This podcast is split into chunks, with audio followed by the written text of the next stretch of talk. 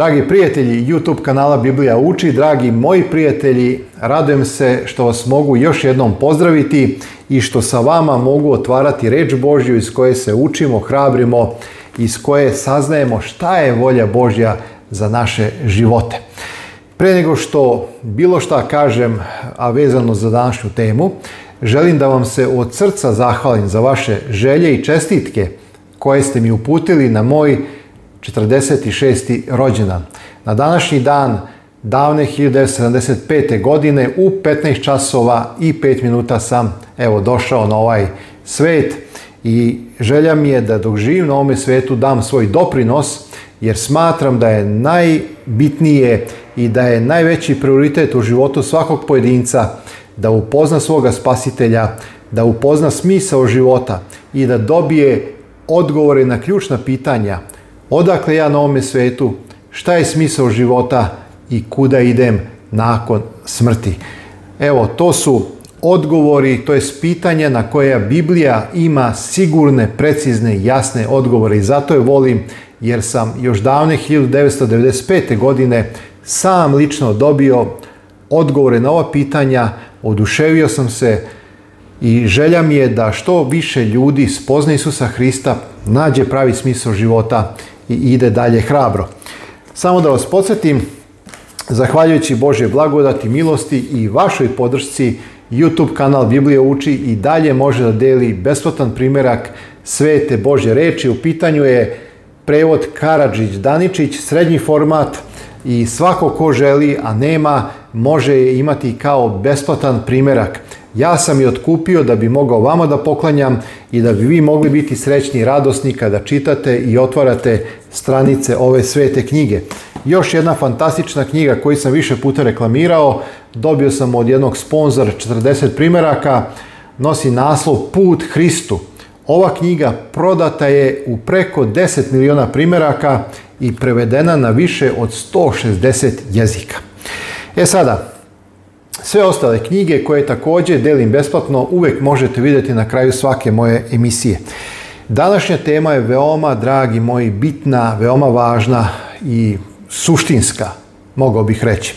Svi ste vi svedoci da zadnjih mjesec dana po celome svetu dobijamo na stotine izveštaja, videoklipova, slika o velikim poplovama, o nevremenima, o snažnim vetrovima, o krupnom ledu, gradu, tuči koji je kao pesnica, o svim tim nedaćama koje su na neki način snašla ovaj naš svet.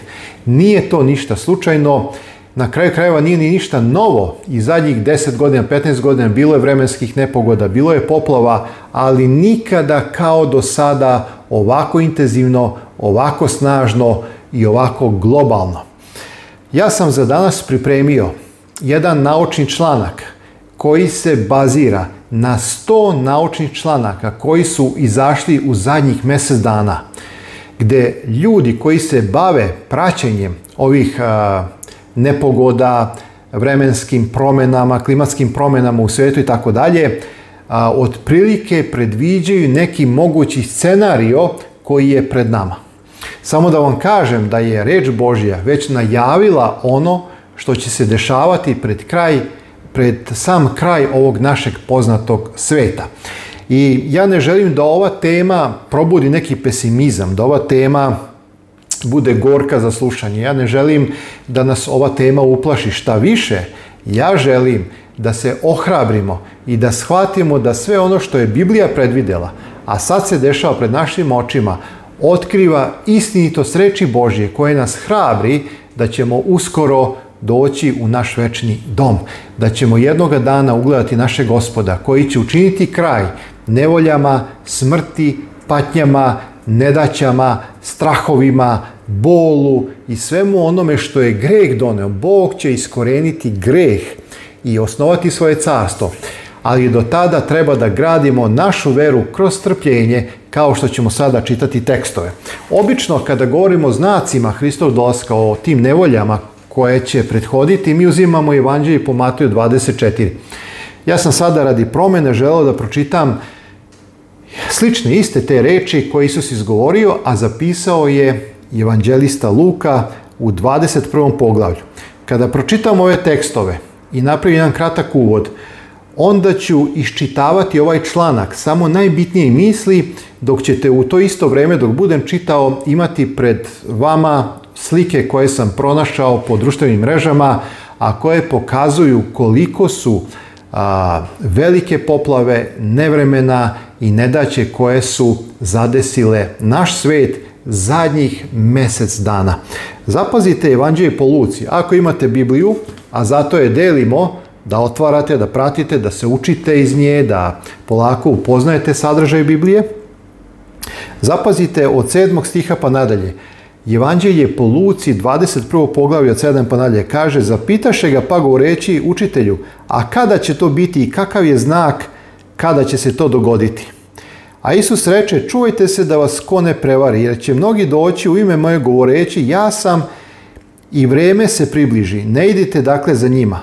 I zaista već ima onih koji su tvrdili da su Isus Hristos i predstavljali se Hristom, ali mi znamo da su to laže, i lažni Hristosi, jer Isus kad se pojavi na oblacima slave, to će biti slavan dolazak, on neće nogom dotaći zemlju i tada će se desiti vaskasenje mrtvih i tada će biti posadak. Znači, pravednici će biti spašeni, grešnici će biti uništeni, neće biti ni oplakani, ni pogrebeni, bit će gnoj po zemlji, to su reči starozavetnih proroka koji su u viziji vidjeli dan Hristovog drugog dolaska.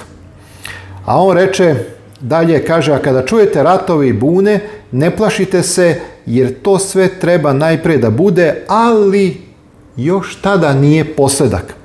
Tada im reče, ustaće naroda narod i carstvo na carstvo i zemlja će se tresti vrlo po svetu i bit će gladi i pomori i strahote i veliki znaci bit će na nebu.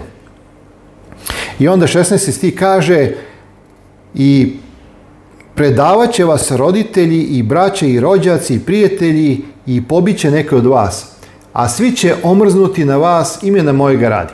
I ovo nije ništa novo. Ove reči Isusa Hrista se dešavaju iz godinu u godinu, iz deceniju u deceniju, da svako onaj koji hoće da živi po reči Hristovoj.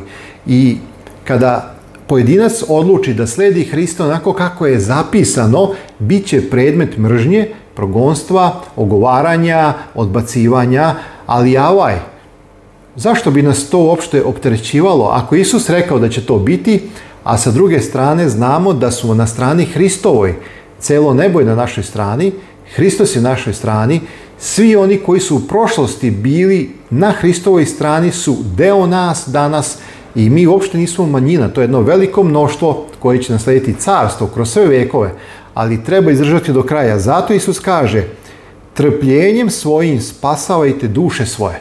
Znači, neće biti lako, potrebno je trpljenje i strpeti sav taj pritisak, ali će biti izuzetno blagosloveno. Zato vas ja hrabrim. Bez obzira što ste odlučili da idete za Hristom, onako kako nas uči Biblija, budite verni, budite postojani, budite čvrsti, trpite, oslanjujući se na Hristovu snagu, jer Isus je pobedio svet i tu snagu daje tebi i meni da i mi danas verom možemo pobediti sve, drugim rečima, sve nevolje i probleme koji se tiču našeg života. I sad zapazite 25. stih. I bit će znaci na suncu i mesecu i zvezdama i u ljudima na zemlji tuga od smetnji, od huke morske od valova. Znači vidimo da će biti žestoki valovi, huke morske, vodene stihije će se razvaliti i mi već danas vidimo kako zemlja ispušta vodu, bezdani se otvaraju, poplave dolaze, brane pucaju. Znači voda navire u predele gdje nije predviđeno da bude toliko vode. Ljudi se dave, ima negdje do sada oko 200 žrtava i na hiljadi ljudi koji su, kojima su domovi uništeni. Zaista teško vreme. I kaže, ljudi će umirati od straha i od čekanja onoga što ide na zemlju, jer će se i sile nebeske pokrenuti. I tada ću gledati sina čovečijega gdje ide na oblacima sa silom i slavom velikom. A kad se počne sve ovo zbivati, gledajte i podignite glave svoje. Dragi moji, evo zašto ova emisija. Kada se ovo počne zbivati, podignite glave svoje. Nemojte biti pesimist, nemojte biti u strahu, nemojte se bojati svega ovoga što vidite, nego podignite glave svoje, jer znate da se približava dan izbavljenja. Ovo su reči našeg gospoda Isusa Hrista. Zato želim da ova emisija probudi u nama onaj dublji nivo vere. Kada primećujemo da prosto naša zemlja više nije toliko mila i draga za život – ona postaje nemilosrdan svet zato što je čovjek vekovim uništavao prirodu. Sada priroda uzvraća udarac. Sve je poremećeno. Iz dana u dan seče se nevjerojatna količina šume. Pa to mora, dragi moji, doneti posljedice. To ne može ostati bez posljedice. Ekosistemi se ruše. Plaktoni u morima koji su najveći izvor kiselnika iz dan u dan nestaju zbog efekta staklene bašte zato što se more zagrijava, a jedan stepen više u odnosu na normalno učinit će da se udvostruči snaga vetrova, da more pomeri svoje granice, da, se, da dođe do određenih problema. Zato kažem, pratite sve ovo, i ove slike koje sam izabrao nisu tu da bi nas uplašile i da bi nas obezvoljile u smislu da budemo pesimisti ja da kažemo jao sve je nekako haos ne nego da se ohrabrimo jer Biblija je predvidjela sve ono o čemu danas govorimo i proučavamo i bit će dragi moji bit će još gore ovo je jako mala stvar u odnosu što nas čeka bit će i glad i pomor i zemlja će se tresti evo Dozvolite sada dok posmatrate ove slike, slušajte ono što sam pripremio za vas. Izvukao sam najbitnije misli od najvećih naučnika današnjice koji su razmatrali ove pojave i pokušali da definišu ono što se dešava i na neki način da predvide šta će se dešavati u skoroj budućnosti. A svakako to se uklapa sa onim o čemu smo čitali kada su u pitanju znaci Hristovog dolaska. Znači, bit će gladi, bit će pomori, zemlja će se tresti, bit će i poplava i, i, i, i ljudi će umirati od valova, od huke morske i tako dalje. Hajde da ispratimo ono što sam pripremio. Otvorite četvoro ušiju, otvorite vaš um i neka se naše srce raduje jer vidimo da se približava dan našeg doska Isusa Hrista i da sve ono što je zapisano je bukvalno ono što se sada dešava pred našim očima, pred našim ušima. Jedan naučni članak kaže da poplave su samo početak. Naučnici prognoziraju katastrofe, požari, gladi i nove epidemije. Naime, mnogi od tih naučnika citirali su tekst iz otkrivenja 16.9 koji kaže i opališe se ljudi od velike vrućine i huliše na ime Boga koji ima oblast nad zlima ovima i ne pokajaše se da mu dadu slavu.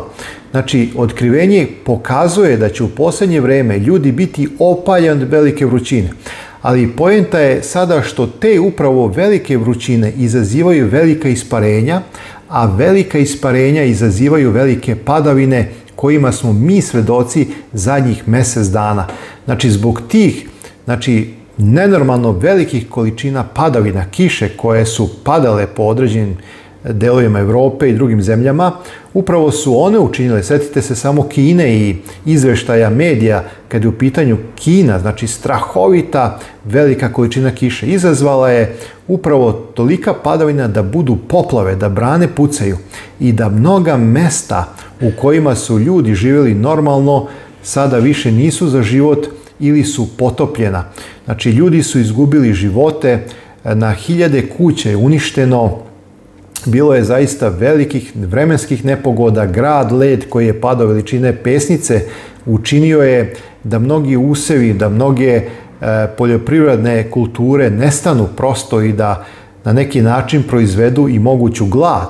E sad ovdje otkrivenje kaže i hulišan ime Boga i tako dalje i ne pokajaše se. Znači nekada čak ni nevolje koje Bog dozvoljava da se dese nisu dovoljno snažne da pozovu čovjeka na pokajanje, da pokažu savremenom čovjeku da treba da zastane, da se zapita šta je smisao života, da li je još uvijek sigurno živjeti na ovome svetu, da li je isplativo planiranje dugoročno, na duge staze i tako dalje i tako dalje.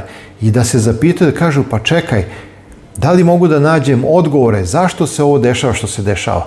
Ali vidite, otkrivenje kaže bez obzira što će ljudi biti opaljeni od velike vrućine. A vidjet ćete šta naučnici upravo kažu da se dešava sada sa temperaturom na ovoj zemlji. ni to nije bilo dovoljno da se ljudi pokaju. Znači, za nezapamćene poplave koje su ove nedelje pogodile zapad Europe, stručnjaci su okrivili klimatske promjene. Znači, svih 100 autora i 100 članaka koje je ovaj naučnik koga sada ovdje predstavljam, znači, e, pregledao, svi su jednoglasno okrivili klimatske promjene. A zašto se ove klimatske promjene dešavaju? Pa zato što je čovjek e, kroz e, nemilosrdnu eksploataciju znači prirode, prirodnih resursa, šume i tako dalje, učinio da dođe do disbalansa i jednostavno dolazi do velikih problema. Sever Europe će se boriti sa poplovama i požarima čak i sa najnižim predviđenim zagrevanjem od 1,5 do 2 stepena iznad globalnog prosjeka. Jug će pustošiti suše, paklene vrućine u urbanim sredinama i poljoprivredni kolaps će izazvati. Ovo su glavni zaključci istraživanja briselskog politika sa više od 100 naučnih radova, intervjua sa naučnicima iz oblasti klime i onih koji predstavljaju Međuvladin odbor za klimatske promjene. Nacrt izveštaja Međuvladinog odbora za klimatske promjene koji treba da bude objavljen sljedeće godine predviđa vek okrutnih klimatskih uticaja, posebno u siromašnim zemljama. Vodeći svjetski stručnjaci upozoravaju da su milijarde ljudi u riziku od hronične nestašice vode. Desetina miliona ljudi bit će izloženi gladi, a mesta u blizini ekvatora bit će neizdrživo topla, osim ako se ne preduzmu hitni koraci za odbranu od klimatskih šokova i brzo smanjenje emisije štetnih gasova. Da budem iskren sa vama, ja mislim da su ljudi zakasnili, čovečanstvo je zakasnilo da bilo šta promeni, da bilo šta uradi. Čitava evropska populacija još nije dovoljno upućena u ovo. Evropljani ne znaju kako će klimatske promjene lično uticati na njih rekao je PiRS, direktor Međunarodnog klimatskog centra na Univerzitetu u Licu i jedan od vodećih autora izveštaja međunarodne ove analize i tako dalje. Najnovije studije otkrivaju da Europu očekuju promjene koje će imati implikacije toliko duboke da mogu izazvati političke i društvene potrese na kontinentu. I evo nekoliko predviđanja. Na prvom mjestu smrtonosna, mesto smrtonosna znači vrućina. Evropski gradovi doživjeli su nezapamćene vrućine još 2003. godine. Bio je najtopliji august te godine u prethodnih pola milenijuma, a Evropska unija procenjuje da je umrlo oko 80.000 ljudi. Francuski predsjednik Jacques Chirac prisustuo je sumornoj sahrani 57 ljudi, čija tela nikada nisu potraživana. Prema bilo kom budućem scenariju, leto poput onoga 2003. bit će uznemirujuće normalno. Prema istraživanju Europske unije pri zagrevanju od 1,5 stepeni svaki peti stanovnik Europi iskusit će slične vrućine. Na tri stepena taj broj raste na više od polovine populacije. Zapazite, setite se otkrivenja, kaže i opališe se od vrućine velike i nisu prestali na da hule na Boga, nisu se pokali. Vidite, Biblija predviđa velike temperature, velike toplote koje će izazvati, da kažem, strašne probleme kad je u pitanju količina padavina, jaka isparenja, snažne vetrove i tako dalje i tako dalje. Italijanski istraživači otkrili su vezu između Psihijatrijski hitni slučajevi i porasta dnevne temperature.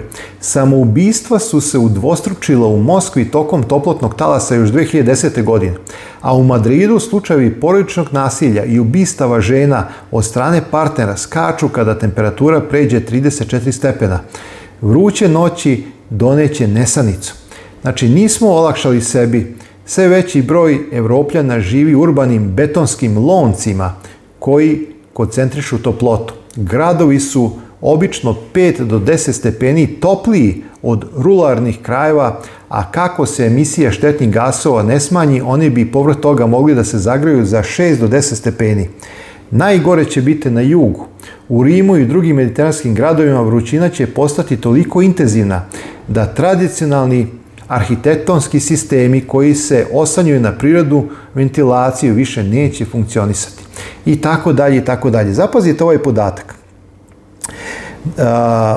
svet se zagrejao tek za nešto više od jednog stepena, ali 2010. godina vrućina je bila, e, vrućina je, izvinjavam se, ubila 54.000 ljudi u Rusiji i centralnoj Europi. Osam godina kasnije, tokom brutalnog toplotnog talasa, umrlo je 104.000 osoba više nego u bilo kom regionu svijeta te godine i tako dalje i tako dalje. Ovdje zaista ima puno podataka. Ako zagrevanje dostigne 3 stepena, 200 miliona evropljana, ne samo na jugu, već i na severu i u Velikoj Britaniji, živeće pod velikim rizikom od toplotnog udara.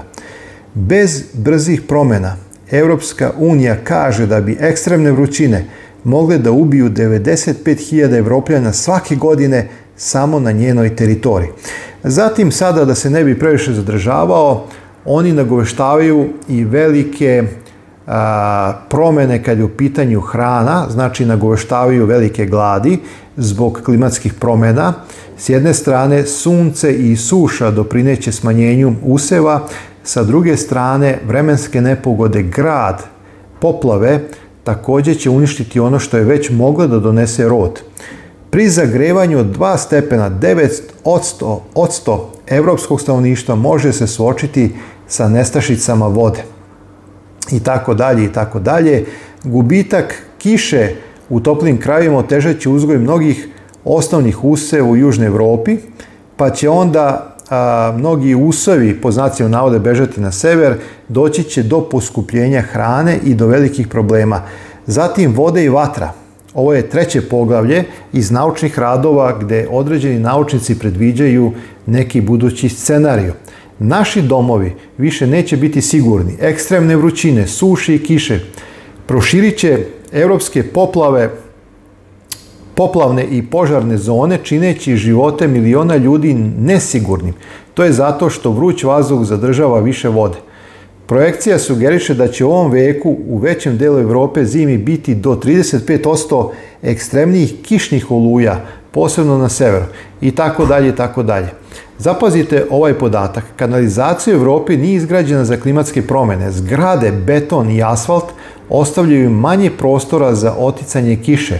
To je rizik za Pariz, Solun, Bukurešt i Barcelonu upozorila je Europska agencija za životnu sredinu pre nekoliko godina, a poplave su posebno opasne za siromašnje domaćinstvo. Na ovim slikama koje posmatrate vidite kako su ljudi do guše u vodi i u metrojima i e, u gradovima gdje nije e, moguća gdje nije moguće da se tolika količina vode koja za kratko vrijeme padne s neba a, da se odlije u na otvore i da tim putevima ode iz grada, nego se grad natapa vodom, voda podiže svoj nivo, ulazi u kuće, ulazi u metroje, ulazi u razne domaćinstva i stvara velike probleme. Zatim predviđaju se i nove epidemije i tako dalje, ne bi vas tu mnogo zamarao. I svakako ekonomska provalija, znači doći će do ekonomske krize, neminovno zbog toga što dolazi do velikih klimatskih promjena. Evo, ja sam želeo ovo da podelim sa vama. Kao što sam rekao, kada vidimo sve ovo da se dešava, da podignemo glave naše i da shvatimo da ovaj svet, nažalost, zbog uticaja greha i zato što su se ljudi prepustili grehu i uništili ovaj svet, puca po svojim šavovima i približava se vreme da naš gospod interveniše i da dođe po nas. Živimo u strahu Božjem svakoga dana, u njegovoj ljubavi, u milosti, propovedamo evanđelje i jednostavno budimo oni koji će ukazati ljudima da ovaj svet više nije siguran u toj meri kako je nekada bio i da svoju sigurnost i svoje utočište pronađu u Hristu. Svakom dobro želim, vidimo se uskoro u nekom našem novom susretu.